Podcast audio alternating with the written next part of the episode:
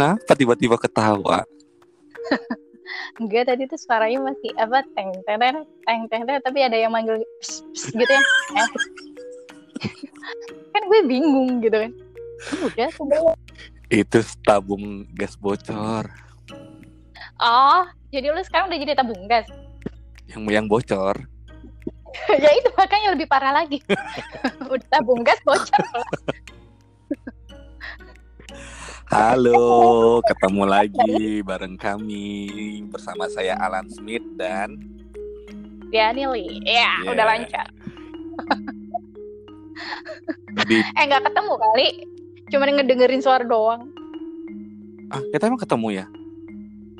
Enggak, Ya udah, tadi aku bilang apa? ketemu lagi. Oh iya.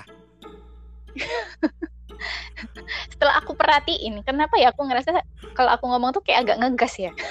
Enggak sih. Cukup aku aja, Maksudnya cukup aku aja yang tabung kamu gasnya. Lah itu makanya habis itu terbakar kan meledak. aku tuh ngomongnya berasa kayak eh, pendek-pendek gitu kan. Terus kayak akhirnya tuh nada di akhirnya tuh bukan turun tapi naik gitu. Jadi jadi kedengarannya tuh kayak jutek banget ya jadi ce- jadi cewek atau jadi orang. Iya nggak apa-apa sih, just be yourself. Kenapa harus menjadi orang lain kalau menjadi diri sendiri itu lebih menyenangkan? Masuk Pak Eko. Oke, kita mulai topik kita pada hari pada malam hari ini ya. Oke.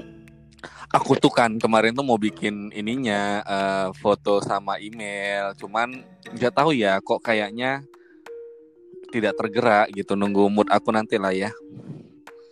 Hmm, oke.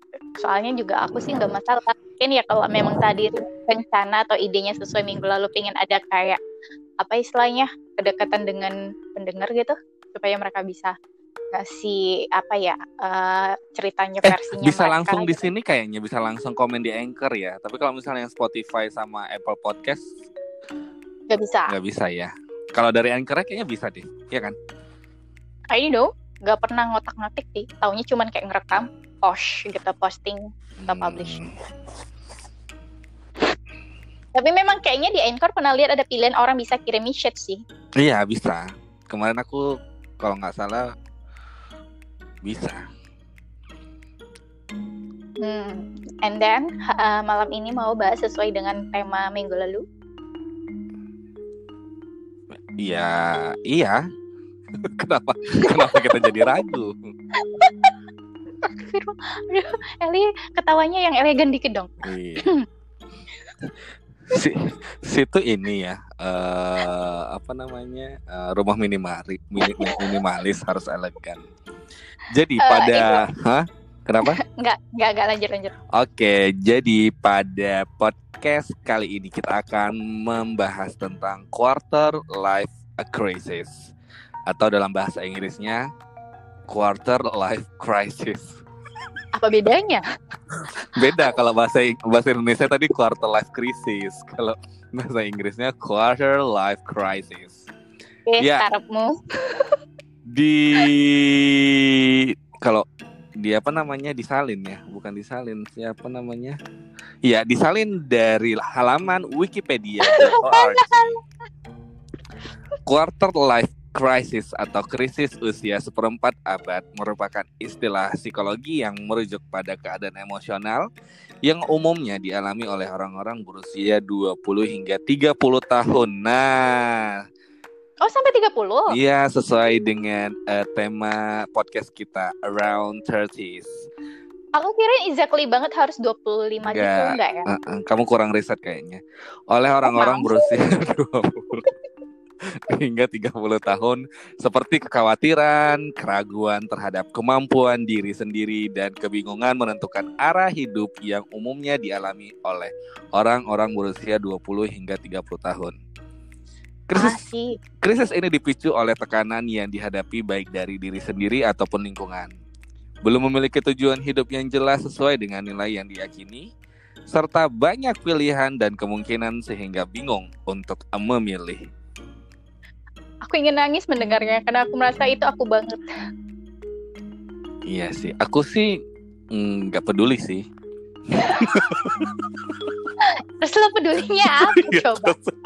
Kok kayaknya jahat banget ya. Mungkin karena lo cowok ya. Jadi kayak pikiran cowok itu kan selalu lebih simple gitu daripada cewek. Enggak juga Kayak sih. Cewek itu selalu lebih dewasa, one step ahead kalau masalah omong Oh iya sih. kalau masalah mikir-mikirin ini. Jadi karena mungkin basically cewek itu adalah dia secara secara eh, secara maturity-nya itu lebih matang daripada pria di umur yang sama. Jadi kebanyakan ya nih ya dari sudut pandang pria ya, mereka cenderung jadinya pada akhirnya adalah insecure bukan insecure sih tapi lebih kayak ke overthinking gitu. Lo pernah gitu? Nggak? semua semuanya dipikirin. Eh enggak sih. Jadi kalau boleh cerita dari aku dulu ya.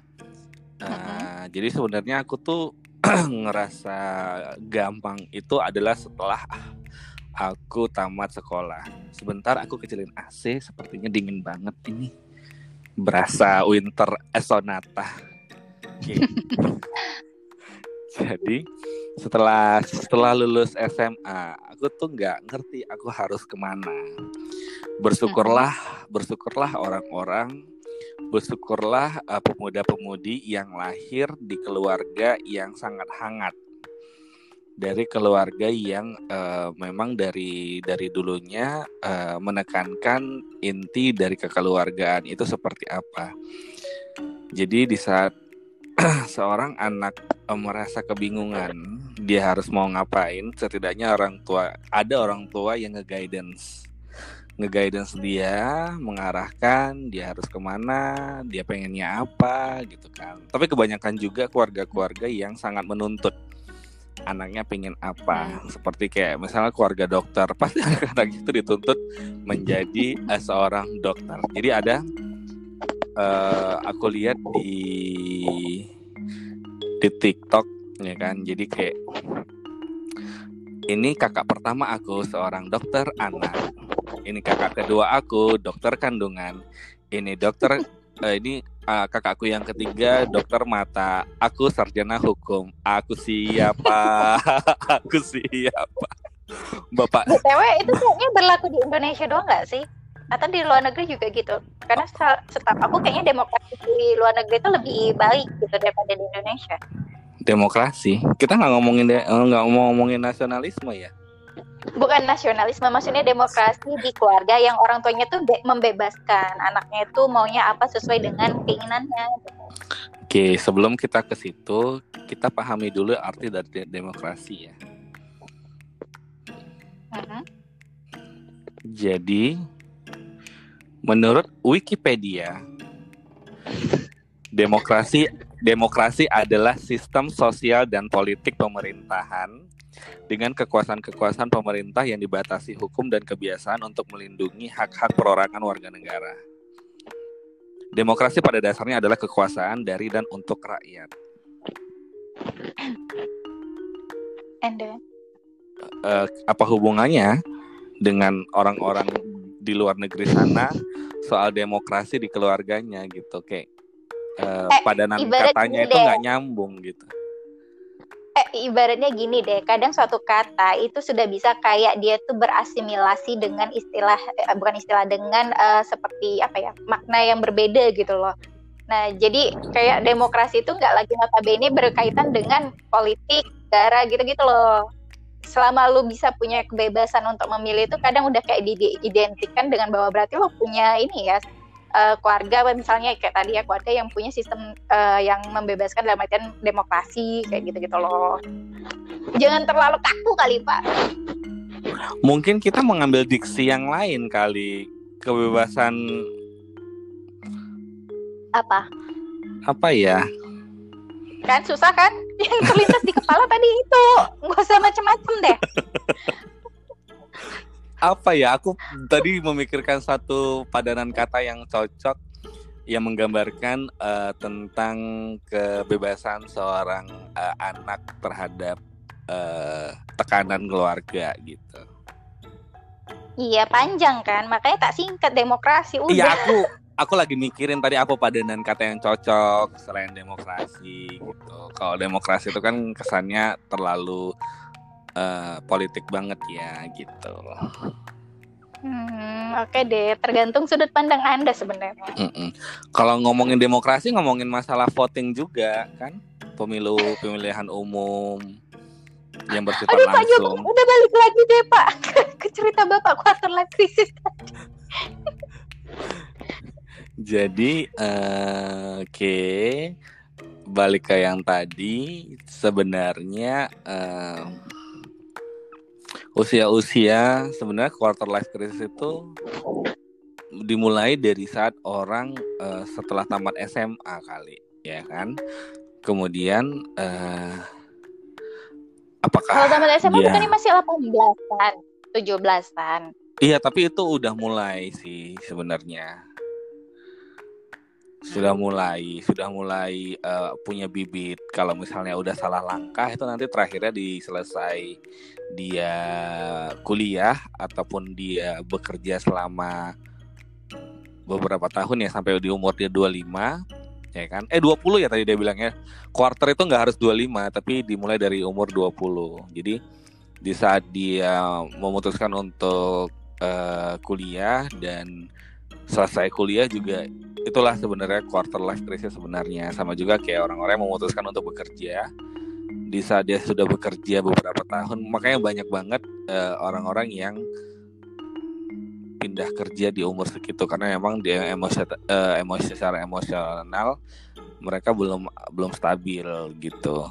Nah belum matang nah, belum matang ya. sama kayak aku juga dulu tamat SMA aku harus mau ngapain ya gitu. Kayak mau ke sini juga bingung, mau ke sini juga iya ngapain gitu. Pada akhirnya uh, ada orang ada ada juga eh, anak-anak atau orang-orang yang ngikutin tren atau ngikutin temennya. Padahal sebenarnya nggak suka, cuman karena dia takut kehilangan temen, dia mengikuti tren yang diikutin oleh temennya. Apa sebenarnya itu bukan dia. Nah, itu juga bahaya nanti setelah dia umur 25. Makanya ada orang-orang yang kayak memutuskan untuk kuliah di pelayaran gitu kan. Tapi hobi hobinya itu fotografi. Nah setelah dia kuliah pelayarannya selesai dia malah jadi tukang foto. Kan lucu ya kan yang kayak gitu kayak gitu. Tuh sebenarnya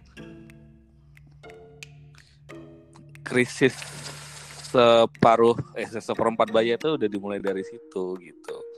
Benar nggak sih? Kalau itu dari sudut pandangku ya kalau nggak uh, aku kita kita sama-sama ngeluarin sudut pandang bahwasanya quarter life crisis itu apa sih sebenarnya gitu ya kan? Nah di aku dulu tuh yang kayak uh, ya gitu pada akhirnya adalah ya udah deh gue memutus eh gue aku gue lu mah bodo amat ya semuanya dipakai. Jadi memutuskan untuk ya udah uh, ngetes lah uh, perguruan tinggi negeri. Karena dulu kalau misalnya aku kuliah di swasta aku bakalan nggak dikasih duit. Jadi aku harus memutar otak gimana caranya aku bisa masuk ke kuliahan yang uh, PTN perguruan tinggi negeri supaya bisa dibiayain oleh orang tuaku kan kalau aku mengambil perguruan tinggi swasta aku akan memutar otak lagi aku harus kerja sebagai apa yang menghasilkan duit supaya bisa membayar uang kuliahku sendiri. Nah, dari situ sebenarnya udah mulai uh, labil makanya di situ juga kebanyakan uh, kecenderungan anak-anak yang nggak ngerti harus gimana bisa larinya ke narkoba juga, larinya ke kleptomania ya. Uh, kleptomania tuh kayak ya kan. Kleptomania itu kan lebih ke kleptomania. Mancing mania ya. Suka iya. mancing deh kamu ya. Terus Ya iyalah. Terus uh, hal-hal uh, kejahatan-kejahatan sosial yang lainnya gitu karena balik ke diri aku sendiri. Di situ perannya lingkungan kan ya. Kalau misalnya dia di lingkungan yang salah ya jatuhnya kayak contoh-contoh yang udah um, iya, dirimu sebut tadi gitu kan. Nah, terus kemudian aku pada akhirnya keterima di salah satu perguruan tinggi negeri. Kemudian aku kuliah, kemudian aku tamat, kemudian aku bingung aku harus ngapain lagi. Apakah aku harus kerja ataukah aku ha harus kawin saja? Ya kan? Nah, itu juga jadi problem juga. Kan kebanyakan orang oh, aku pernah uh, ngomong sama senior aku di kerjaan uh, abang apa yang memutuskan abang pada akhirnya menikah? Gitu kan. Nah dia bilang bahwasanya uh, hidup dia itu di usia rentan usia rentan rentang usia 20 sampai 30 uh, dia itu kayak aku ngap mau ngapain lagi ya di hidupku ya? Gitu dia bilang kan almost semua dia di di saat umur dia 20-an dia sudah dapat gelar S2 gitu kan di bidang lingkungan. Kemudian dia cerita uh, aku harus ngapain lagi ya? Kok kayaknya hidupku datar-datar aja. Hidupku tuh kayak yang uh, uh, ya udah gitu kayak robot gitu. Jadi terakhirnya dia adalah memutuskan untuk mencari masalah dengan menikah dia bilang menikah adalah membuat masalah baru di hidupnya. Enggak. Kayak menyesal uh, gitu. In a positive way, artinya adalah ketika hidup dia datar, ketika hidup dia hambar. Uh. Dia ah. memutuskan untuk menikah supaya hidupnya penuh tantangan. penuh ups and downs gitu. Karena memang menikah itu nggak gampang. Itu uh, bu, menikah bukan menyelesaikan masalah tapi menambah masalah baru di hidup masing-masing individu gitu.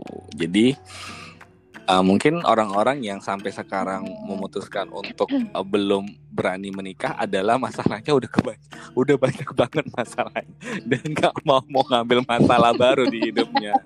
Dan iya benar dan itu loh. Gitu. Mohon dan coba pandang um, po mohon coba untuk nih ya orang-orang di luar sana ya untuk orang-orang yang ngeje bukan ngeje sih kayak lebih ke sinis.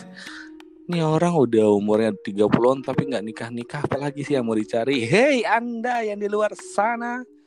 Anda cuma melihat dari luarnya saja. Coba dalam dari diri sendiri.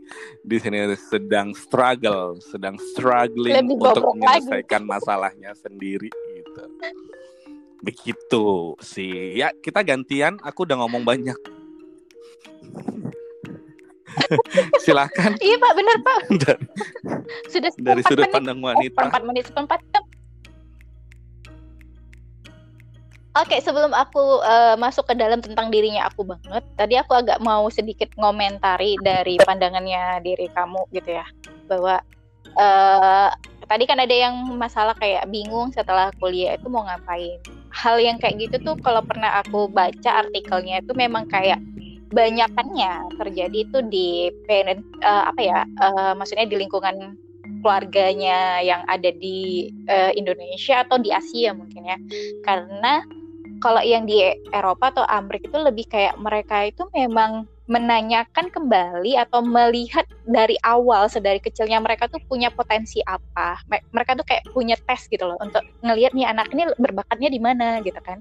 Nah lalu nanti gedenya tuh nggak ada paksaan ya kamu harus kuliah ataupun juga kalau anaknya nggak mau kuliah ya orang tuanya juga nggak memaksa gitu. Maksudnya anaknya juga kalau kalau emang dia senangnya kayak tadi mau jadi apa ya uh, layar lah kayak gitu kan. Istilahnya nggak juga harus dengan kuliah gitu kan dengan dia ngikut-ngikut aja jadi awak kapal gitu kan setelah tamat SMA ya udah. Apalagi memang orang-orang di luar negeri itu kebanyakan anak-anaknya terutama yang cowok juga apalagi gitu ya uh, mereka itu kayak setelah tamat SMA malah memang harus bisa uh, menghidupi diri sendiri gitu. Orang tuanya udah stop ngasih uh, ini uh, apa ya kayak pendanaan gitu lah untuk hidupnya. Jadi mereka kebanyakan akhirnya keluar dari rumah itu untuk ya struggle gitu di luar sana dengan ngekos kayak apa kayak gitu kan tinggal di apartemen kayak gitu.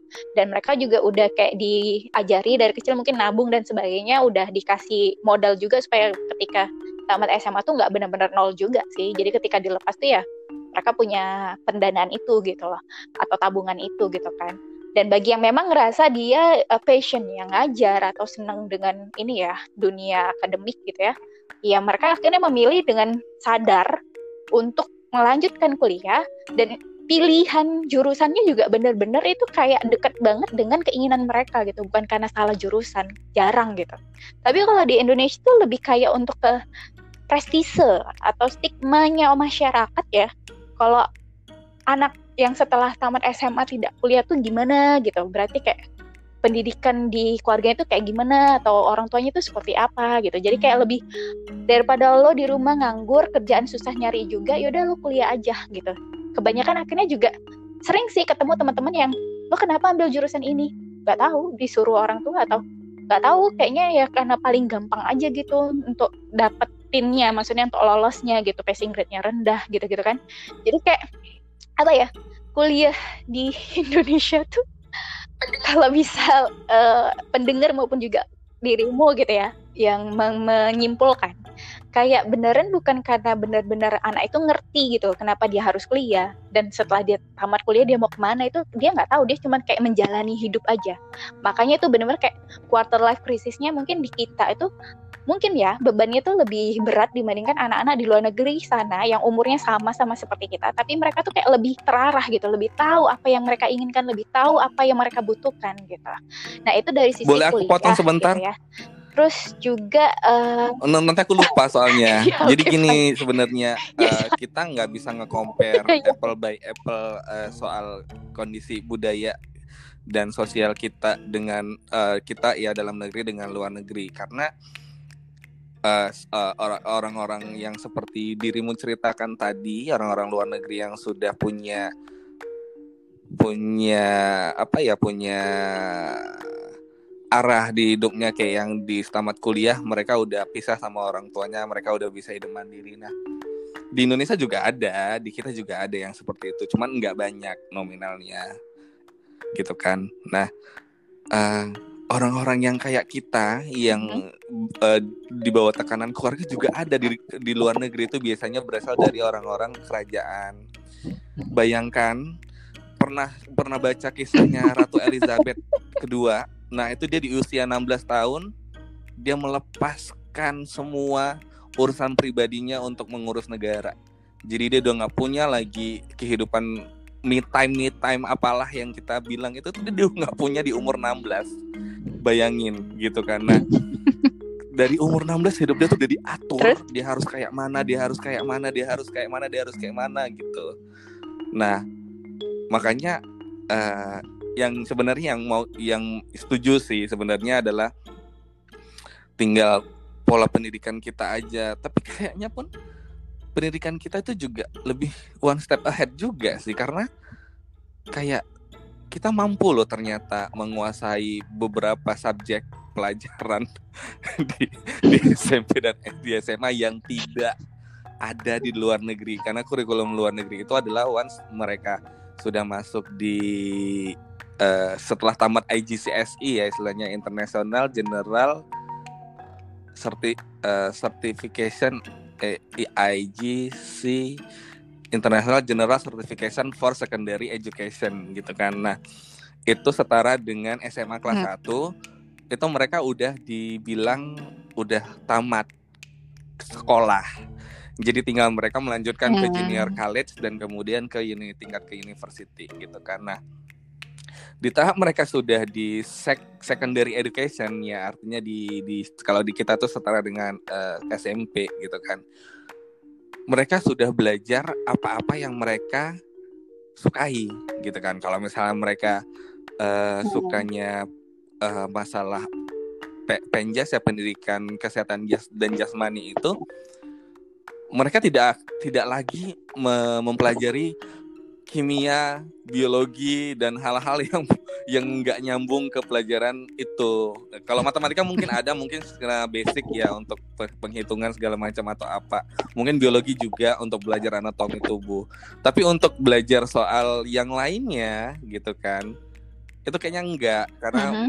memang subjek yang mereka pelajari di secondary education itu sedikit gitu. Sedangkan kita di SMP itu ya bisa 14 15 ya. Dan penjurusan itu adanya di SMA kelas 2. Apakah kita mau belajar IPA, IPS atau bahasa? Itu pun di sekolah cuman biasanya IPA IPS, bahasa itu jarang. Nah, lanjut. Hmm. Ya oke. Okay. Ya agak sedikit nyambung sih dengan yang barusan dijelasin ya sama diri lo gitu ya bahwa yang uh, mereka itu tadi kan penjurusannya kayak penjurusannya gitu ya kayak lebih cepat sehingga kayak well, di usia kita yang SMA kita masih mengambil mat, ma, ma, apa mata pelajaran yang banyak gitu ya harus tahu banyak hal. Sementara mereka tuh kayak udah benar-benar terarah gitu kalau emang senangnya ini ya berarti dieliminasi gitu mata pelajaran yang nggak terlalu menunjang ke sana. Entah efektif ya untuk mengasah spesifik karena ketika di dunia kerja pun gitu ya mereka tuh kelihatan lebih dan juga kalau dibandingkan quality atau juga uh, kapasitas kemampuannya ya. Dengar-dengar katanya mm -hmm. dengar-dengar ya katanya yang di Swedia apa Swiss uh, di Swedia atau Swiss kayaknya enggak juga ya di mana ya? Aduh. Di Swedia di Swedia atau Finlandia. oh. Iya, orang di di ya di negara-negara Skandinavia. Finlandia enggak?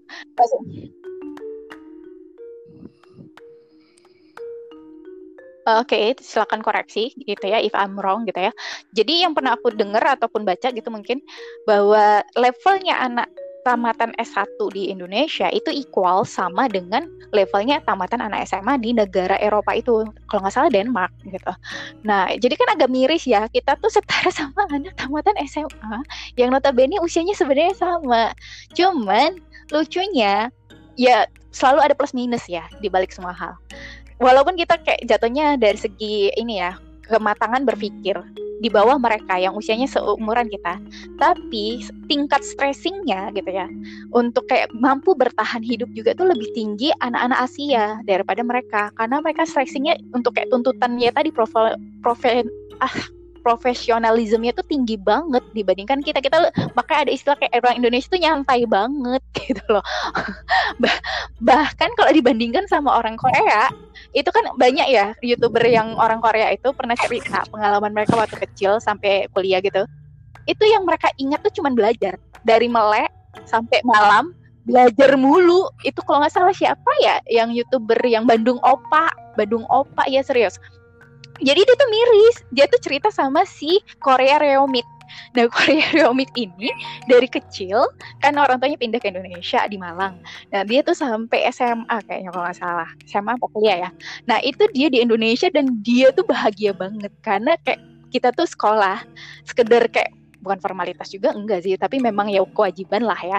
Jadi pagi sampai uh, siang gitu ya atau menjelang sore terus lebihnya dia les. Setelah les tuh bisa kayak main-main naik sepeda ke mana main layangan kayak main sepak bola kayak gitu kan.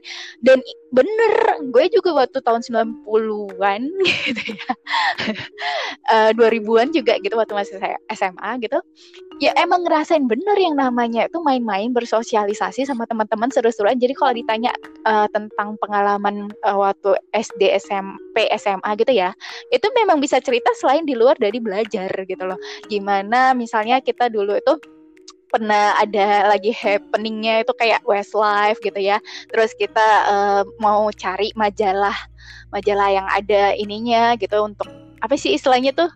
Aku lupa yang yang bisa ditempel uh, foto mereka berlima gitu ya berlima atau berempat Westlife. Nah itu kayak kayak kayak gitu jadi kayak kayak film replay 1988 19 yang di Korea itu kan ada ya film drama gitu kayak suasana-suasana tahun 90-an seru-serunya pakai Walkman gitu-gitu loh. Terus main banyak uh, permainan tradisional gitu nggak kayak anak sekarang yang tangannya tuh udah pasti megang gadget, pakai headset, udah gitu kayak punya dunia sendiri gitu kan. Nah, jadi ya di situ mirisnya gitu bahwa kita orang Indonesia tuh terkenal banget dengan kayak apa ya tingkat stressing orangnya tuh kecil atau rendah, lumayan rendah. Jadi kayak makanya angka kematian atau bunuh dirinya tuh juga rendah dibandingkan di luar negeri sana apalagi kayak Jepang, terus Amerika gitu ya. Terus ya mungkin termasuk salah satunya Korea juga gitu kan. Jadi ya ada ada hal yang bisa kita banggakan ataupun juga kayak bersyukur gitu loh tinggal di Indonesia. nah itu dari segi kuliah. Dan terus juga kan tadi kayak quarter life crisis itu dimulai dari setelah tamat SMA ya. Emang itu bener karena itu memang kayak titik nadir lah titik nadir bahasa gue. Uh, gimana ya? Waktu SMA kelakuan kita yang sih yang kalau di istilahnya agak kasar ya mungkin ya eh, nggak uh, maksud menyindir pihak yang mengalami itu tapi di akunnya sering dulu kita istilahkannya adalah imbisil gitu ya. Kita suka mengimbisil gitu kan. Bahkan kayak pulang sekolah eh, nggak uh, mau langsung pulang nggak punya duit mungkin lagi apa ya istilahnya memang di akhir minggu biasanya kita kasih dikasih jajan per minggu gitu ya. Jadi itu hari Jumat mungkin apalagi hari Jumat juga sering identik pulang cepet aku dulu sama si Sylvie, Ines, Kaju, Vita ikut nggak ya? Aku lupa. Nah itu kami cuman jalan ke SD yang dekat Semantik. Terus di situ ada sungai, ada jembatan kayu gitu ya. Kami itu berdiri di tengah-tengah jembatan itu hanya nunggu supaya ada kereta atau motor lewat dan jembatannya jadi goyang. jadi kayak hal yang sekecil itu tuh udah bikin bahagia dan dan apa ya gitu. Maksudnya kayak menunjukkan kita tuh beneran uh, anak-anak yang nggak berpikiran jauh tentang uh, hal ke depannya itu seperti apa gitu. Kayak having fun aja hari ini ya nikmati hari ini gitu. Besok ya besok gitu loh. Nah jadi keimbisilan ataupun tingkah laku yang clumsy tadi itu kalau dilihat orang dewasa kayak mereka tuh langsung punya rasa yang memaklumi tinggi dalam artian maklum masih anak sekolah, maklum masih SMA, ya udah gitu kan. Jadi kita pun jadi pede gitu loh. Walaupun kita tahu ya Allah, ngapain sih kita di sini gitu. Nah, sementara ketika kita selesai tamat sekolah, itu adalah fase yang kayak nanggung masih mau dimasuk kategori anak-anak enggak atau mau dimasukin kategori yang full dewasa juga enggak gitu kan. Jadi di situ yang membuat kita kayak gamang kayak bingung ini gue ngapain gitu kan.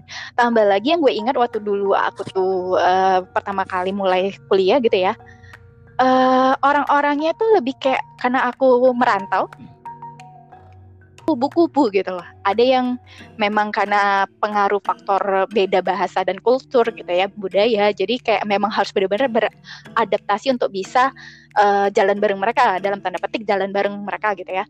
Jadi kayak bisa ngerti mereka ngomongnya apa, bercandanya. Adanya orang Medan kasar ya. Nah, kalau aku bawain di lingkungan habis aku di dep di depak gitu ya. Nggak ada yang mau berteman gitu kan. Jadi aku menahan diri banyak di awal-awal tuh menahan diri. Padahal pingin ngomong tapi kayak takut omongan aku menyinggung gitu. Karena kan kita ngomongnya agak keras ya yang aku kau gitu. Jadi aku tuh kebanyakan mengamati dulu di awal uh, untuk memahami mereka cara bicara terus bercandanya gimana supaya aku bisa masuk gitu Oke, okay, itu pas kuliah gitu kan dengan teman-teman yang juga ajaib-ajaib gitu ya. Ada yang ambisius banget gitu ya, yang tipikal nggak mau jujuran. Misalnya dia ada dapat uh, contoh laporan dari senior, kita pingin juga minjem gitu, tapi dia ngakunya nggak punya, padahal jelas ada sama dia. Ada yang kayak gitu ambis banget gitu kan. Ada yang juga apa ya, yang yang kayaknya nggak serius kuliah karena lebih kayak itu tadi gitu kan, bahwa hanya tuntutan tuntutan dari orang tua disuruh kuliah ya kuliah, bahkan sampai di semester tiga gitu ya setelah satu tahun kuliah akhirnya dia pindah prodi gitu dia pindah jurusan gitu. Karena menyadari kayaknya memang bukan di prodi yang awal itu yang tamat kuliah gitu ya. Setelah tamat kuliah aku tuh mirip kayak kau gitu kan bahwa setelah ini apa what's next gitu kan. Kalau dulu kan kita SD jelas mau SMP yang bagus favorit. SMP mau naik SMA juga gitu kan yang favorit. Pas kuliah juga pinginnya yang yang uh, eh, PTN gitu kan ataupun juga yang kampus bergengsi lah gitu.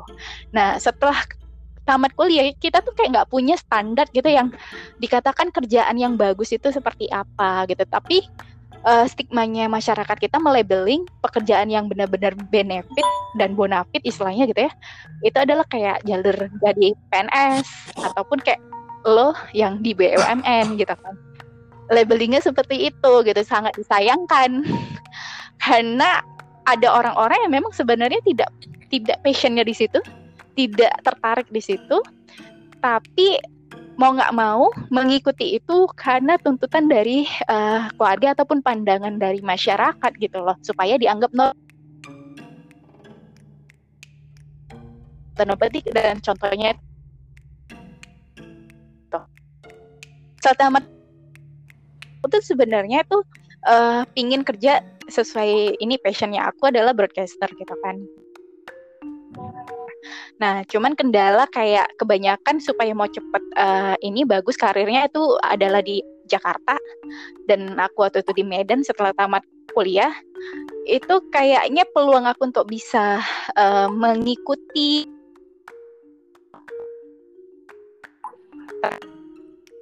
kalau aku ke Jakarta nggak punya pegangan waktu itu modal yang cukup dan aku takut mere gitu loh. Karena bagiku level orang tua untuk berkorban membiayai anaknya hanya di sebatas tamat S1 setelah setelah tamat S1 diri lo atau diri gue itu adalah tanggungan sepenuhnya diri lo gitu loh. Maksudnya nggak lagi harus kayak bergantung ataupun PD minta minta bantuan ke pun juga anggota keluarga gitu. Enggak nah jadi di situ kita harus berfu ber, ber apa sih? Memutar otak gitu kan?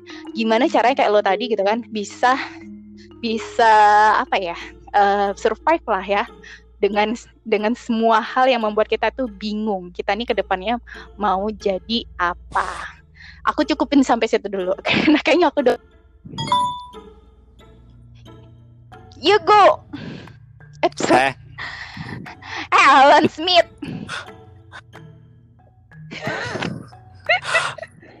Karena ini sudah 30 lewat ya. Mungkin uh, yang bisa aku tambahin uh, mungkin gini tanda-tanda ya tanda-tanda seorang mengalami quarter life crisis ya.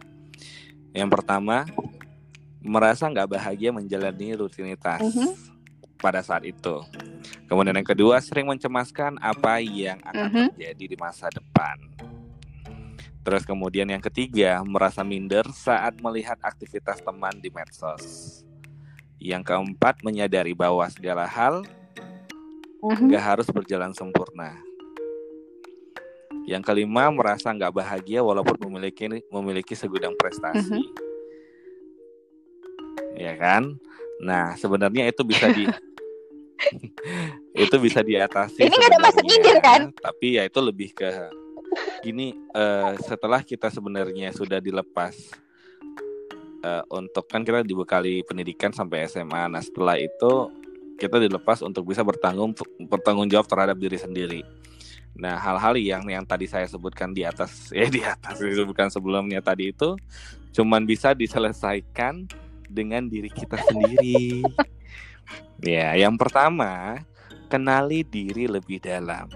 Hmm. Apa kelebihan, apa kekurangan diri kamu. Terus kemudian, apa yang pengen kamu capai dalam hidup. Terus kemudian, uh, apakah kamu melakukan pekerjaan yang kamu sukai saat ini? Nah, itu coba bertanya Kemudian yang kedua adalah buat perencanaan dalam lima tahun ke depan. Ini mungkin agak sedikit le susah buat orang-orang yang, yang motivasi hidupnya adalah go with the flow. Ya udah jalan aja, careless apa yang yang terjadi terjadilah ya kan kata Titip Puspa. Yang dia tahu Tuhan penyayang umatnya. Jadi nggak bisa sih sebenarnya. Ya itu terserah balik lagi kepada diri sendiri ya. Kalau misalnya mungkin lebih baik lebih baik mungkin buat perencanaan dalam lima tahun ke depan. Yang kedua, yang ketiga, sadar bahwa people come and go. Ada ada kala ada kalanya kamu mungkin berharap seseorang bakal mm -hmm. selalu ada di sisi kamu sampai saat dewasa nanti. Tapi nggak jarang juga kamu pun menempatkan sumber kebahagiaan kamu sendiri itu di mereka gitu. Entah di orang tua entah di teman-teman entah ke gebetan pasangan atau segala macamnya. Nah padahal kamu tuh nggak pernah tahu kap sampai kapan mereka akan meninggalkan diri kamu tiba-tiba. Baik karena ditinggalkan tanpa sebab sampai selamanya atau mungkin ya ditinggal mati gitu kan. Nah maka maka dari itu cobalah sadar bahwa orang dapat silih hmm. berganti datang dan pergi dalam kehidupan kita gitu. Nah, yang keempat, ya. eh, ya. Uh-huh. Enggak, aku tuh mau nanya gitu lah. Eh, eh, ini kayak versi agak ini ya nanya nanya maksudnya mau dapetin solusi dari lo ya kayak seakan-akan lo tuh mama dede atau apa gitu ya yang cowok siapa ya aku kok ingetnya mama dede ya maksudnya maksudnya gini ya uh, kan itu tadi kayak permasalahan yang di usia kita tuh masih memang 20-an banget lah setelah tamat kuliah. Toh jatuhnya sekarang kita juga udah kerja yang di mana pekerjaan kita atau status kita saat ini di mata orang yang orang lain yang aku tahu gitu ya kayaknya kesannya kita tuh memang oke okay, gitu loh pekerjaannya gitu kan. Nah, masalahnya adalah semua yang aku jalani sampai sampai detik ini gitu ya, itu sebenarnya cuman kayak mau membuktikan, mau membuktikan ke orang-orang ingin lagi nunggu-nunggu mau ngeras aku udah gitu kan jadi nggak perlu lagi membuka setelah itu kayak 180 derajat yang benar-benar beda jauh dari semua yang orang pikirkan gitu.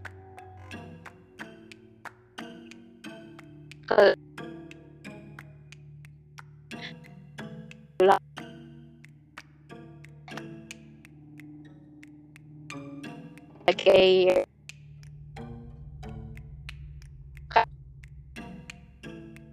gitu kan. Putus-putus sinyal kamu kan berpikiran kayak ya. sayang banget. Aku tuh nggak suka saat ini memang ada bang iya. Nah jadi aku nggak mau kayak misalnya orang tua aku tuh jadi sedih kayak komen dari orang-orang yang sotoy gitu loh tentang apa yang kita pilih gitu, tentang apa yang aku pilih. Jadi makanya aku kayak mengorbankan diri aku untuk ngejalani pilihan-pilihan yang sekiranya menurut orang awam itu kayaknya bagus gitu. Padahal itu bukan dari hati aku, bukan yang aku inginkan.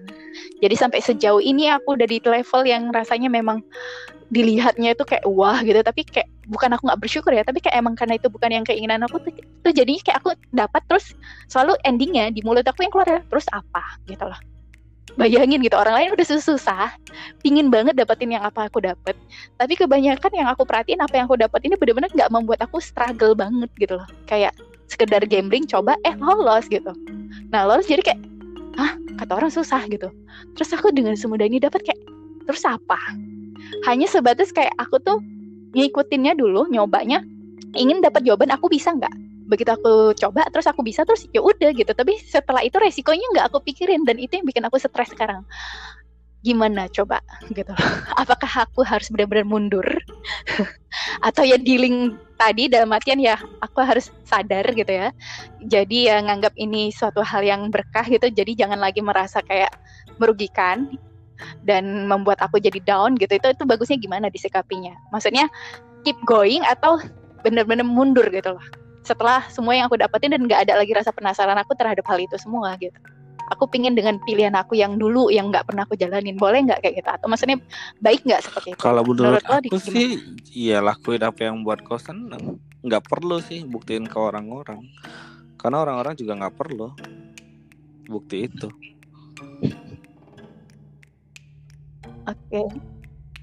Oke, yang dulu aku pikirkan perasaan orang tua sih. Kalau di akunya orang mau bilang, ih sayang banget, udah kuliah tinggi-tinggi nggak jadi ini, bodoh amat hidup-hidup gue. Tapi kan kalau aku ngomong gitu ke orang tua aku kayak tahu sendiri tipe kalau orang Medan gimana orang tuanya kan. Menjawab aja. Dikasih tahu yang baik. Apa yang ada dalam otakku itu. Uh, aku males berdebat sama orang tua yang jelas-jelas kita nggak mungkin berdebat. Jadi aku banyakkan diem dan akhirnya kayak mendem-mendem gitu yang oke okay, fine ya aku buktiin kalau aku mau sebenarnya bisa.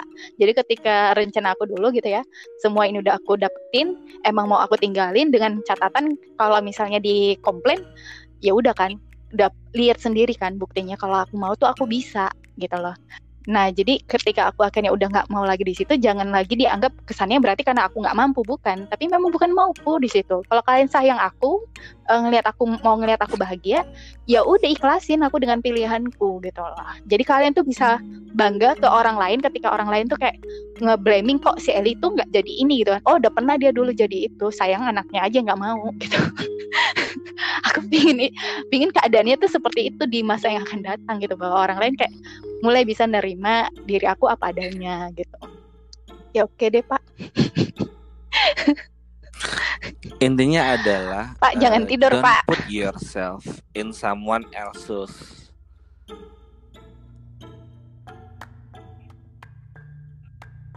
mm-hmm. tapi kayak aku udah telat. Buktinya aku udah sampai sejauh ini. Kalau aku istilahnya benar-benar berani ngambil resiko gitu ya nggak peduli dengan kata-kata orang lebih ke kayak aku nggak di sini sekarang uh, gitu. empati ya empathy is understanding other people by Mhm. using your imagination to feel something like what they are feeling gitu kan jadi eh ya kita nggak bisa ngerasain hal yang sama di kaki orang gitu loh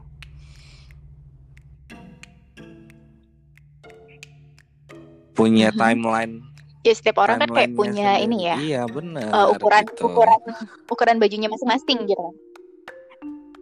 Tapi nggak banyak orang yang open minded tentang hal itu gitu. Tahu sendiri orang Indonesia ini kan kayak gimana ya. Iya kalau mau Pemikirannya masih kayak omongan gimana orang nggak gitu. akan ada habisnya gitu sih.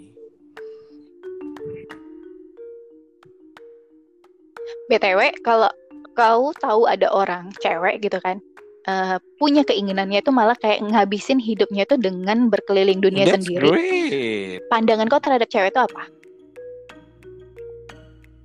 Karena kau orangnya open minded. Coba yang lain, ih cewek bahaya cari perkara bla bla bla. Ya, mending dia yang biayain Justru ini juga ngebiayain dulu tapi komen kayak eh, pengen pengen kerja di luar negeri ngerasain jadi kayak Mhm. yang menjadi pribadi yang beda punya lingkungan yang totally beda punya budaya yang totally beda gitu dulu aku tuh cita-cita nggak cita-cita sih kayak yang hayalan babu gitu kan hayalan-hayalan sambil nyapu sambil nyapu sambil ngehayal gitu kan Eh, ya karena terus kenapa nggak diwujudin? ah, itu tadi eh, bukan memang bukan jalannya gitu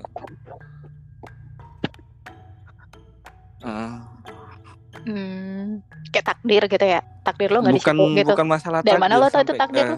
gini ya eh, kayak orang-orang bilang "Ti, kayak motivator motivator bullshit itu ya motivator bullshit nggak boleh kayak gitu tinggalkan tinggalkan zona aman anda jangan berada terlalu lama-lama di zona Ah, iya, bener. aman anda Bener. anda harus terus tetap bergerak.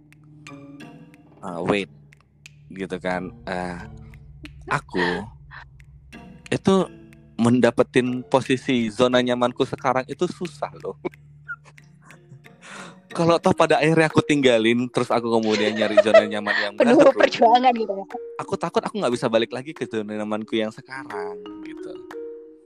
Tapi memang pada dasarnya manusia ini harus terus tetap di ini ya, di- dipacu karena dia dia nggak nggak bakal tahu kemampuan diri dia sendiri Iya sebelum sih. diri dia sendiri memacu diri dia sendiri untuk itu gitu.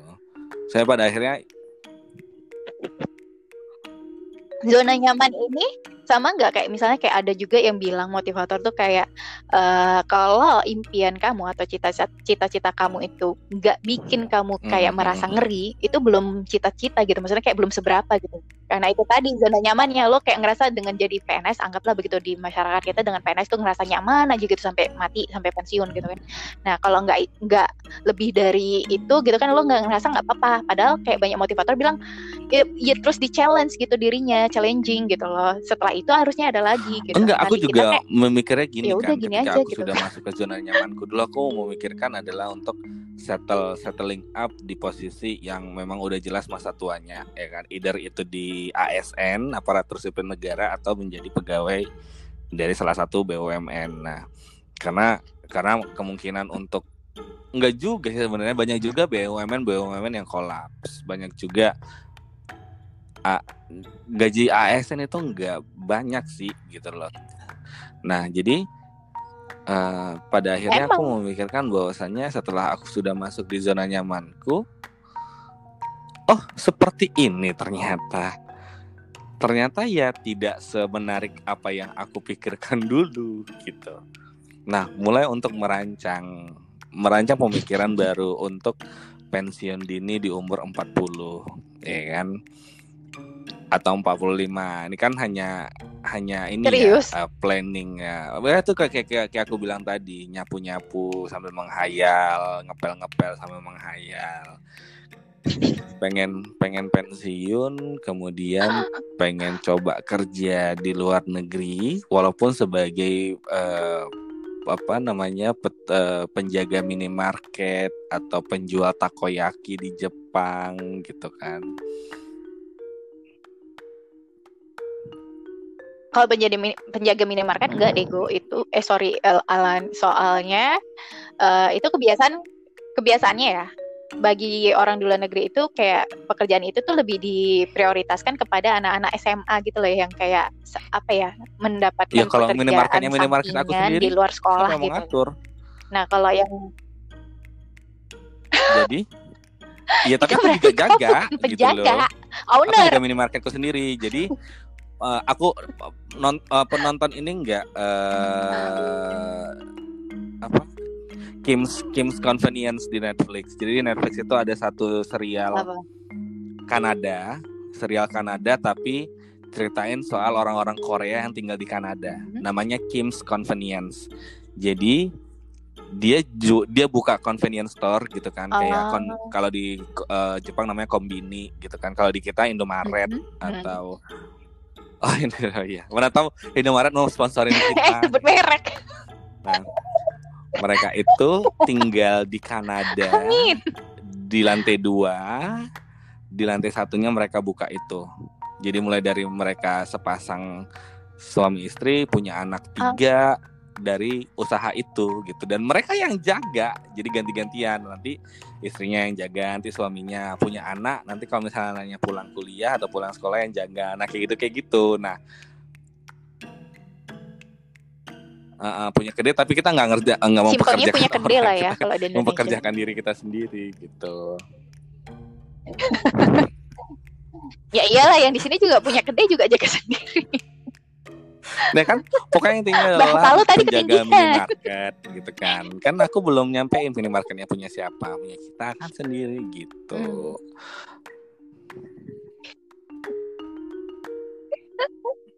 eh tapi berarti kamu maunya mas maksudnya kayak men, mohon maaf ya gitu. Kayak menghabiskan sisa umur hidup lo di sana gitu sampai kayak mati iya. di situ gitu. Mau di, dimakamkan di sana gitu di luar negeri siapa yang nah, mau kan makamin kalau misalnya kamu sendiri di situ. Iya. Nyusui orang.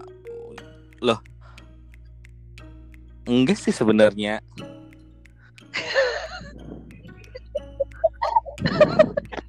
Gak maksudnya gini loh. Kalau misalnya oh. di sini yang ngurus pihak keluarga, istilahnya itu hal yang lumrah gitu loh. Tapi kan kalau di luar negeri sana ya sekedar kenalan gitu bukan keluarga kayak yang ah gitu loh. Ya memang secara muslim gitu maksudnya kita yang orang muslim ngerti bahwa itu memang kayak uh, ini ya istilahnya itu ya Allah. yang kifayah gitu ya istilahnya maksudnya Nah iya kan, jadi kalau dilaksanakan oleh beberapa orang itu udah putus lah kewajiban muslim yang lainnya. Tapi kalau nggak ada yang melaksanakan semua muslim di situ kena dosa gitu loh. Tahu ada yang kemalangan, tahu ada yang meninggal, tapi nggak dibantu pengurusan jenazahnya gitu kan. Nah cuman kan ya nggak tahu lah gimana pemikiran orang uh, muslim di luar sana yang sebenarnya kayak rezeki mm -hmm. itu juga bukan cuma duit loh, bukan mm -hmm. cuma kesehatan, tapi ketemu orang yang baik-baik itu juga rezeki. Jadi ya mudah-mudahan kalau emang kau punya kesempatan gitu ya beneran sesuai cita-citamu tinggal di luar negeri ya doanya mungkin lebih iya, diutamakan ya, juga adalah bertemu dengan orang-orang uh, enggak yang sih aku baik, itu gitu. namanya pamrih ya kalau kayak gitu ya eh enggak sih doa ya namanya doa kita memohon ya ya memohon mm-hmm. sih cuman tapi lebih ke kayak uh, berbuat baik ke orang eh, itu pamrih ya dia kita berbuat baik ke orang uh-huh. yang pada akhirnya nanti be, uh, ke ber, uh, perbuatan kita itu balik ke diri kita sendiri ngerti gak sih? Tapi kita nggak tapi nggak mengharapkan nggak mengharapkan balasan yeah. ya maksudnya kita Kayak tetap tabur tuai lah. doing good nah, dari dari dari sikap berbuat baik kita itu nanti pada akhirnya akan balik ke diri kita sendiri gitu kan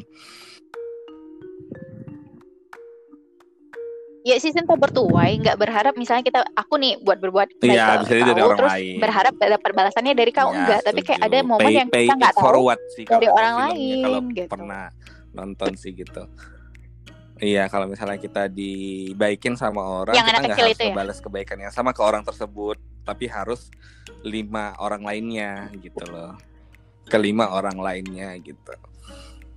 Mm -mm tahu. Nah, jadi gitu. Tahu. Iya makanya tadi balik Ada lagi. kemungkinan kau mau mewujudkan kalau itu? misalnya aku meninggalkan zona nyamanku dan kemudian aku tidak men, pada pada pada akhirnya aku menurut aku itu tidak nyaman membuat zona nyaman yang lain terus aku nggak takut aku nggak bisa balik lagi ke zona nyamanku yang ini gitu Tapi bagaimana dengan pernyataan kalau tidak dicoba ya nggak tahu gitu lah. ya gitu.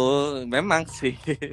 Kalau nggak dicoba emang nggak tahu. Cuman belum belum ke situ sih masih.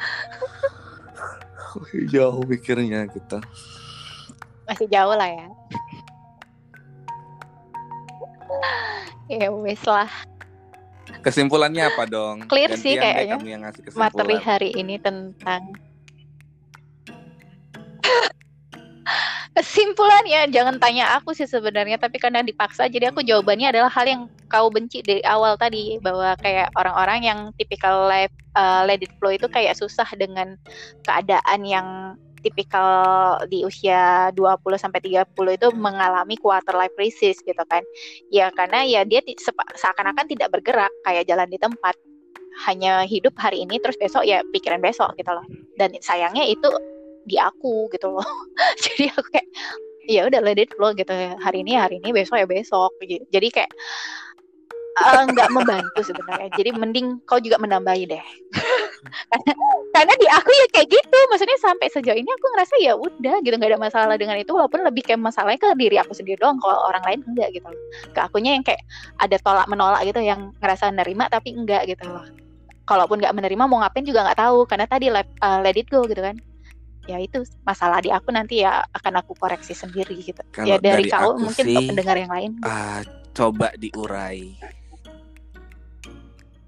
coba diurai apa? Benang kusutnya. Benang merah yang benang kusut di otak yang kusut di pikiran. Kalau perlu cari mentor.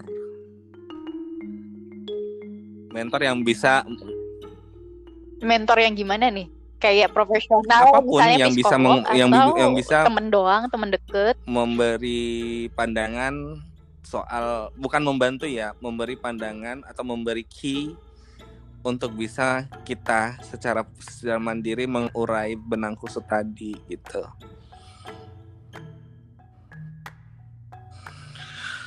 Dulu ya sih dulu aku pernah belajar soal eh, apa ya kayak hmm, apa identifikasi masalah itu harus dari akarnya. Hmm, tapi kalau udah bekarat banget mungkin gak sih masih ada kayak ya bisa kalau diselamatin dicoba gitu siapa yang tahu?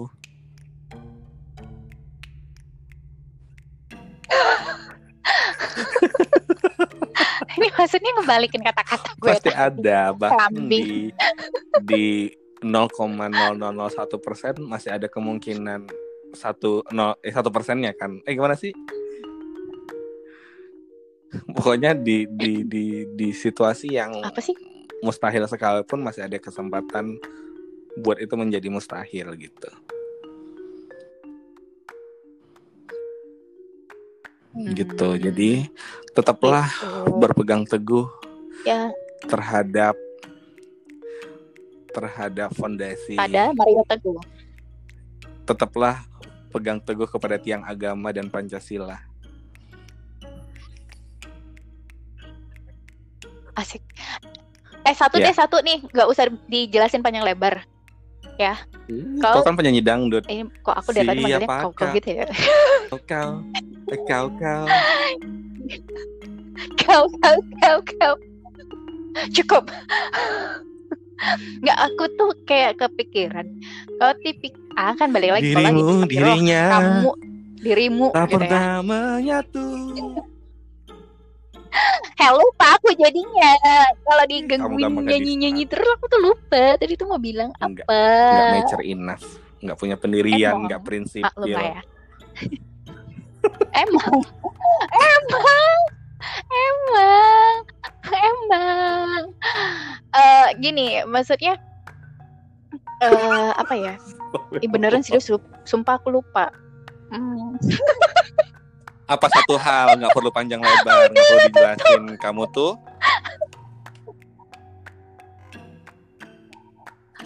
Iya, jadi kayak tadi tuh ya, ada di mulut penasaran. tapi gak keucap.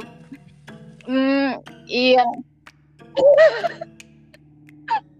Kapok.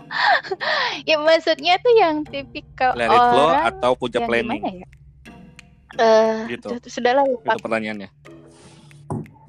Hmm, sebenarnya enggak, cuman untuk menyelamatkan aku ya udah gitu aja deh. Aku punya planning tapi nggak ambisius. Oh. Hmm, terus apa yang kau jalani sekarang itu sesuai dengan planning atau kayak ya tiba-tiba aja suddenly uh, yang ya kebetulan dapat ya udah dijalani? Atau memang udah pernah uh, planning Aku percaya sama kekuatan batin. Dulu aku sempet aku dulu sempet eh? ngebatin, tapi secara nggak sadar ya. Aku nggak tahu kenapa hal-hal yang secara nggak sadar aku ngebatin itu malah terjadi. Gitu. Jadi kayak contoh dulu waktu oh. ada Asian Games ya Jakarta Palembang. Nah itu baru. Itu kan baru 2018 Duh, aku bisa nggak cerita soal ini? Jadi gini uh, jadi aku tuh pada akhirnya sadar kalau aku pernah ngebatin. Kayaknya ke Palembang seru deh nih ya gitu. Naik uh, apa namanya LRT hmm. ya. Dan mereka kan punya LRT naik LRT ke hmm. Gelora Sriwijaya uh, untuk nonton Asian Games seru kali ya kenalan sama orang Palembang. Terus yang yang yang ngajakin untuk nonton Asian Games. Dan pada akhirnya itu terkabul. Setelah Asian Games-nya selesai. Iya, pada awalnya mau pengen nonton uh, Asian Games di Palembang, okay. ya kan, uh, naik LRT gitu kan, sampai pada akhirnya mm-hmm. itu terwujud setelah Asian Games, ketemu sama orang Palembang, kemudian pada akhirnya ditunjukin bahwasanya yang hmm. lo mau yang aku mau ternyata nggak nggak baik untukku gitu Iya, pada akhirnya adalah apa yang eh? kita mau itu belum tentu baik? baik untuk kita.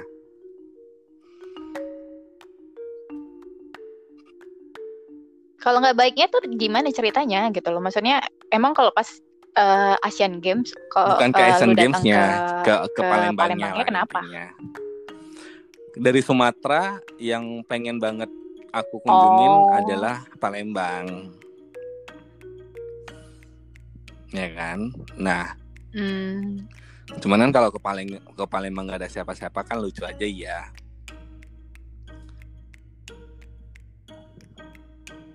Ya yes, sama sih kayak aku mikirin juga kalau aku mau pergi ke mana gitu ya. Misalnya kayak aku pernah kepikiran ke Kalimantan Derawan gitu ya. Terus kayak kalau sendiri aja kayak apa? gitu krik-krik gitu ya. Nyari temen juga kayak susah banget ya sekarang. Kalau dulu kuliah kayaknya gampang aja gitu ya. Ke sini yuk kayak sama-sama gabut gitu kan. Ya udah ayo gitu. Tapi kalau udah kuliah tuh kayak eh uh, kebanyakan eh uh, ya udah oke okay, fine. Curhat ya bu. terus pada akhirnya aku belajar untuk uh, apa yang kita mau itu belum tentu baik buat kita.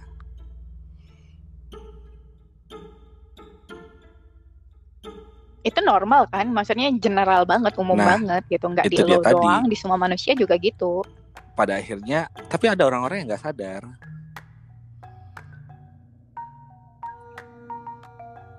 Ya Bukan, sadar ketika dia dulu dia punya keinginan dia itu dan tercapai gitu. Berada di zona tidak baik plan itu yang dia mau.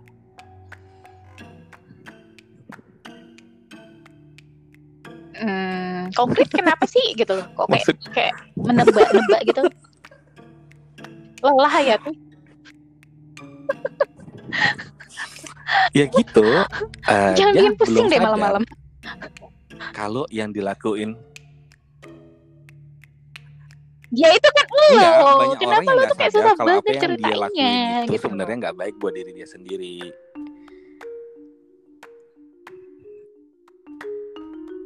Nah kalau hmm. gue nya, gue jadi ini bukan lo lagi, lebih ke general ke semua orang. Gue ditunjukin kalau gue tuh ternyata yang gue mau itu nggak baik hmm. buat gue.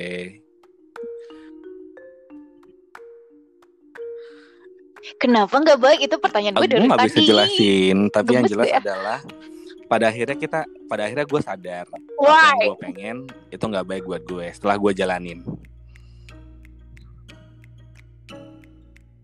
Tunggu, aku tebak ya. Nggak. Mungkin waktu kau di Palembang kau It kecopetan. was so good. Ah, box office di Palembang tuh kayak yang eh, I I'm the happiest person on earth deh gitu. Kemudian pada akhirnya seiring dengan waktu berjalan, aku tuh di, ditunjukin bahwasanya ini tuh nggak baik buat kamu. Tapi karena kamu merengkel, merengkel tau gak sih? Nah, tapi karena kamu merengkel, ya Ya udahlah. tau lah, tolong lah. Tuhan tuh ngasih nah nih biar lo tahu ya yang lo pengen tuh nggak baik nggak baik gitu Oke. Berarti bener kau kecopetan nih. Astagfirullah, ketawa elegan Eli.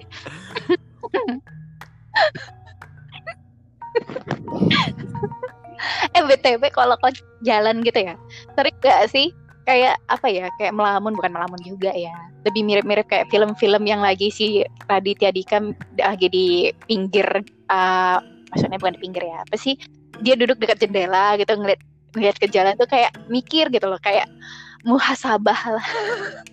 muhasabah kayak mengingat perjalanan hidup kau gitu ya. Kau lagi kan dirimu gitu ya. Mungkin dari dari kecil gitu ya. Kayak udah sampai di tahap itu di posisi saat itu lagi dalam perjalanan gitu. Kayak hal yang bikin kau bersyukur banget kau lagi gitu ya. Dirimu bersyukur banget.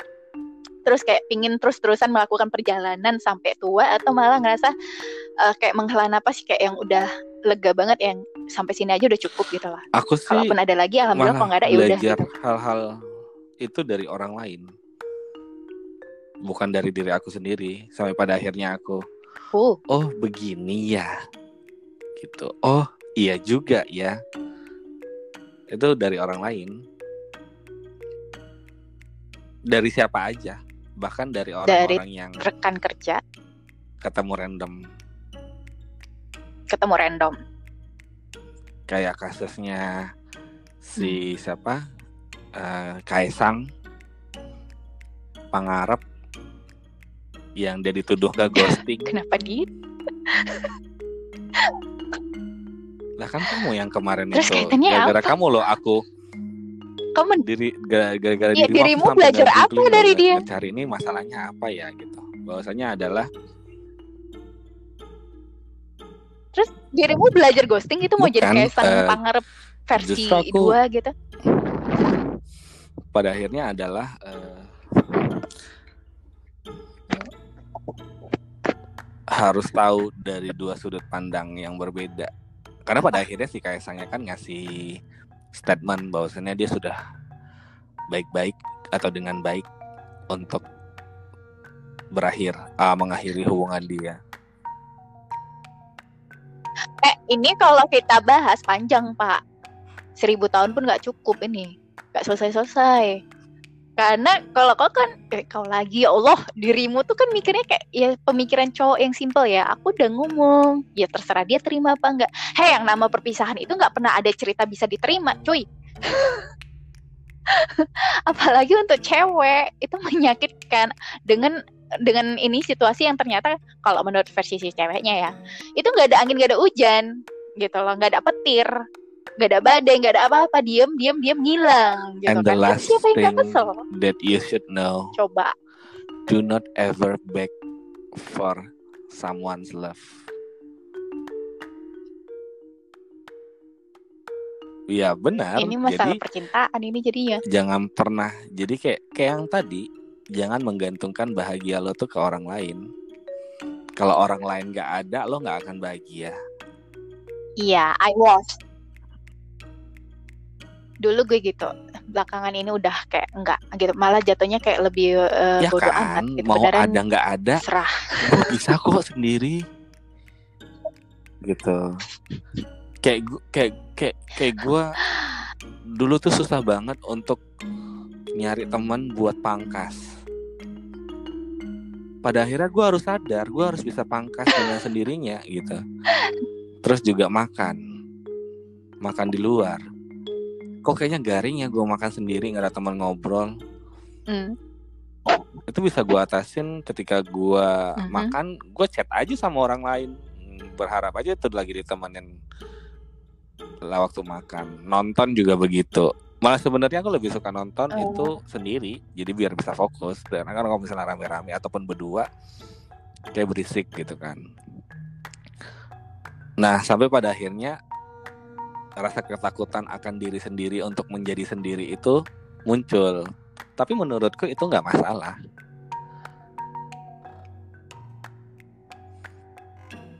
Hmm. Eh ada makhluk kan namanya amfibi ya. Itu kayak sifat amfibi itu ada juga Apa di manusia nggak sih menurut lo? Kira-kira maksudnya gini. Kan amfibi itu kayak bisa bisa hidup di dunia di dua alam gitu kan. Ada dia waktu kecil kayak kecebong kebonceng gitu kan di air gitu kan. Nah terus nanti kalau dia udah jadi kodok jadi katak gitu kan dia nggak harus di air dia dia kebanyakan malah di darat gitu loh hidupnya. Nah jadi kayak di akunya sendiri gitu ya Eh, makanya aku nanya sebenarnya itu ada kayak kecenderungan mirip mirip eh eh, makhluk amfibi tadi nggak sih? Ada kayak aku sebenarnya kalau sendiri it's okay. Rame juga oke tapi kalau disuruh pilih di gitu ya disuruh milih antara keduanya aku lebih prefer rame gitu lah. Walaupun rame itu sebenarnya aku bukan tipikal yang jatuhnya akan jadi sorotan tapi aku senang aja orang lain ada di sekitar aku untuk berisik. Akunya kayak punya dunia sendiri akunya kayak punya pikiran sendiri dia mikir sendiri atau apa gitu loh. Nah tapi kalau aku sendiri tuh ngerasa aku kayak jadi sorotan gitu yang eh, krik-krik gitu kan. Walaupun belum tentu orang ngelihat ngelihat aku gitu, belum tentu orang ber- berpikiran tentang aku yang kok sendirian doang nih orang kok aneh gitu. Enggak juga kan. Tapi kayak ya itu jadi kayak ngerasa tuh kurang pede aja sendiri gitu lebih enak rame-rame dengan tujuan bisa nutupi keberadaannya aku gitu jadi orang-orang bisa nggak fokusnya ke aku doang gitu lah jadi kalau sendiri aku oke eh, rame-rame aku oke tapi kalau disuruh milih aku lebih milih rame-rame gitu. Makanya kadang kayak pingin deh segera kayak punya pasangan atau kalaupun jalan tuh pinginnya berame-rame sama temen tuh kayak bukan tujuan karena aku ngerasa kesepian banget gitu enggak. Tapi lebih kayak tameng gitu loh kayak kayak misalnya ya aku tiba-tiba lagi pikiran sendiri terus ada hal yang perlu aku confirm kalau aku confirm ke, ke diri aku sendiri tuh kayak nggak dapat jawaban. Jadi pingin ada orang sekitar gitu untuk tiba-tiba bisa aku aku, punya tanya usul. eh, suddenly gitu tiba-tiba dirikan aja. yayasan pa- eh, Ada panti sosial. Apa? iya. Hmm? biar rame. Kenapa bisa ke sana?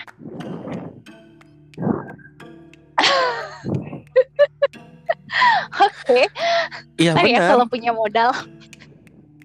Atau atau Kayaknya NGO. NGO yang ngurusin eh, masalah sosial Iya sih, aku gitu. tuh nggak- social welfare ya namanya social welfare ya Tapi kenapa bisa ke arah sana coba? Masa cuma karena supaya rame? Padahal kan di mall juga rame gitu. Kenapa harus kayak aku punya ya yayasan gitu? kayak kalau dirimu bilang tadi dirimu nggak harus jadi center of center of view ya center of point of view eh center of point gitu kan center point me- eh, center point mall di Medan Mhm, mhm. tapi tapi dengan lo buat Tapi orang-orang di sekeliling, sekeliling lo itu senang dan bercerita ke diri kamu diri dirimu tuh kamu juga ikutan senang ya sih. Apa Ya, ini sih akhirnya dapet aku jawabannya. Heeh. Ini akarnya nih sebenarnya. Kan tadi Iya dirimu bilang Iya. kan harusnya diselesain dari akarnya kan. Aku baru ingat. Jadi karena aku Oh, dibesarin dari keluarga yang punya banyak anak. Jadi aku tuh anak cewek Hmm. terakhir tapi bukan anak terakhir. At least semua pekerjaan rumah yang notabene orang Medan itu Mhm. adalah identik diselesaikan oleh anak cewek gitu kan. Mm-mm. Dan aku jarak aku sama kakak cewek aku tuh agak jauh. jadi itu dibebankan ke aku terus mereka juga kayak nggak nggak nggak hmm. nyaman kalau aku main-main sama mereka sering-sering karena jarak usia tadi jadi dulu dari kecil aku kayak mau gabung kayak sana-sana anak kecil sementara di atas aku itu cowok di bawah aku cowok jadi kayak permainan cowok juga beda kan gitu loh. Kayak aku nggak punya temen main gitu loh. Ada pun temen-temen sekitaran atau tangga juga kayak nggak mungkin all the time kan. Maksudnya kalau di rumah ya udah kan. Atau kalau misalnya mereka pergi liburan atau apa gitu kan kayak jatuhnya aku seringnya sendiri. Kalaupun masih SD masih oke okay, ngikut sama abang ya. Abang aku nangkap ikan di di mana gitu ya. People come and go. Ya iya maksud aku gini jadi dari kecil itu kan aku terbiasa sendiri aku ngomong itu nggak pernah didengar gitu loh. Aku ngasih pendapat ada masalah di keluarga juga kayak aku mau ngasih saran itu nggak didengar gitu. Ataupun ditanya kamu mau apa, aku jawab ini, tetap aja nanti beda yang dikasih ke aku. Jadi aku ngerasa nggak pernah dihargai gitu lah. Nah sampai di lingkungan sosial bukan di rumah aja pun gitu kan. Nah aku pernah ngasih pendapat juga kayak nggak dihargai. Akhirnya aku membuat diri aku kayak uh, males ngomong gitu lah. Jadi aku ngomong Which ketika diminta. Kalau aku nggak diminta aku nggak akan ngomong. Gitu. Daripada kamu males makan, mending kamu males ngomong.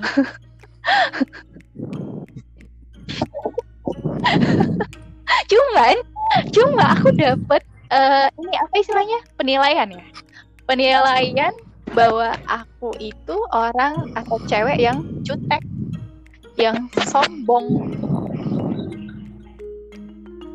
Kenapa? Eh, aku lagi di mana? Di dalam air. Kok suaranya kayak... ya itu, jadi aku ngerasa nggak dihargai, akhirnya membuat aku tidak pede untuk berbicara gitu loh untuk kayak eh, apa pun yang terjadi kalau, kalau kamu merasa kayak gitu berarti kamu berada di sistem yang gitu. salah tapi ketika ada orang datang iya Cuman aku mau membuat alasan excuse yang menyatakan bahwa aku tuh wajar ketika kayak senang ada orang yang minta pendapat aku gitu loh. Karena selama ini kan aku nggak didengar gitu loh. Ketika ada orang yang eh Li pendapat lo gimana? Eh gue nih gitu kan. Serius gue. Oke. Makanya kayak mungkin yang kayak lo kos dirimu saranin tadi gitu kan bisa punya yayasan yang yep, mungkin jatuhnya aku akan lebih dihargai gitu di situ. Jadi kok kayak founding father gitu. Mother ya, kan istilah doang sih. Founding father. Jadi uh, ya bisa orang-orang yang mengalami quarter life crisis bisa diarahin ke situ. Waduh, cakep banget deh.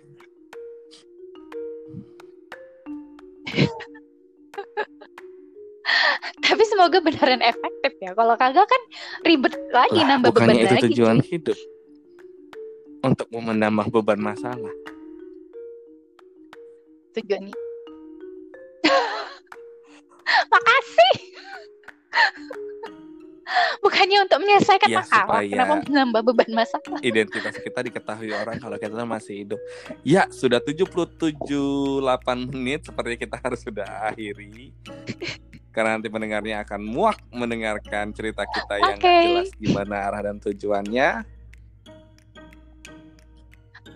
tapi bagus. Untuk ini dong yang tidur. Jadi nggak perlu didengarin sampai akhir gitu kan. Sampai ketiduran aja udah. Biasa tuh orang dengerin podcast itu kalau nggak lagi nyetir lagi nyapu lagi nyetrika. Nggak pernah lagi tidur. Um, eh aku menjelang tidur aku dengerin ya, kita supaya memang tidur. kita pekan dalam pekan hari ini. Sampai ketemu di pekan depan. Ada ada topik usulan Oke, belum hmm, ada. Nanti ya? kita akan jadikan hmm, belum sih belum kepikiran next. Oke. Okay. Terima kasih telah mendengarkan podcast ini. Okay. Selamat malam Thank you. dan have a good time. Bye.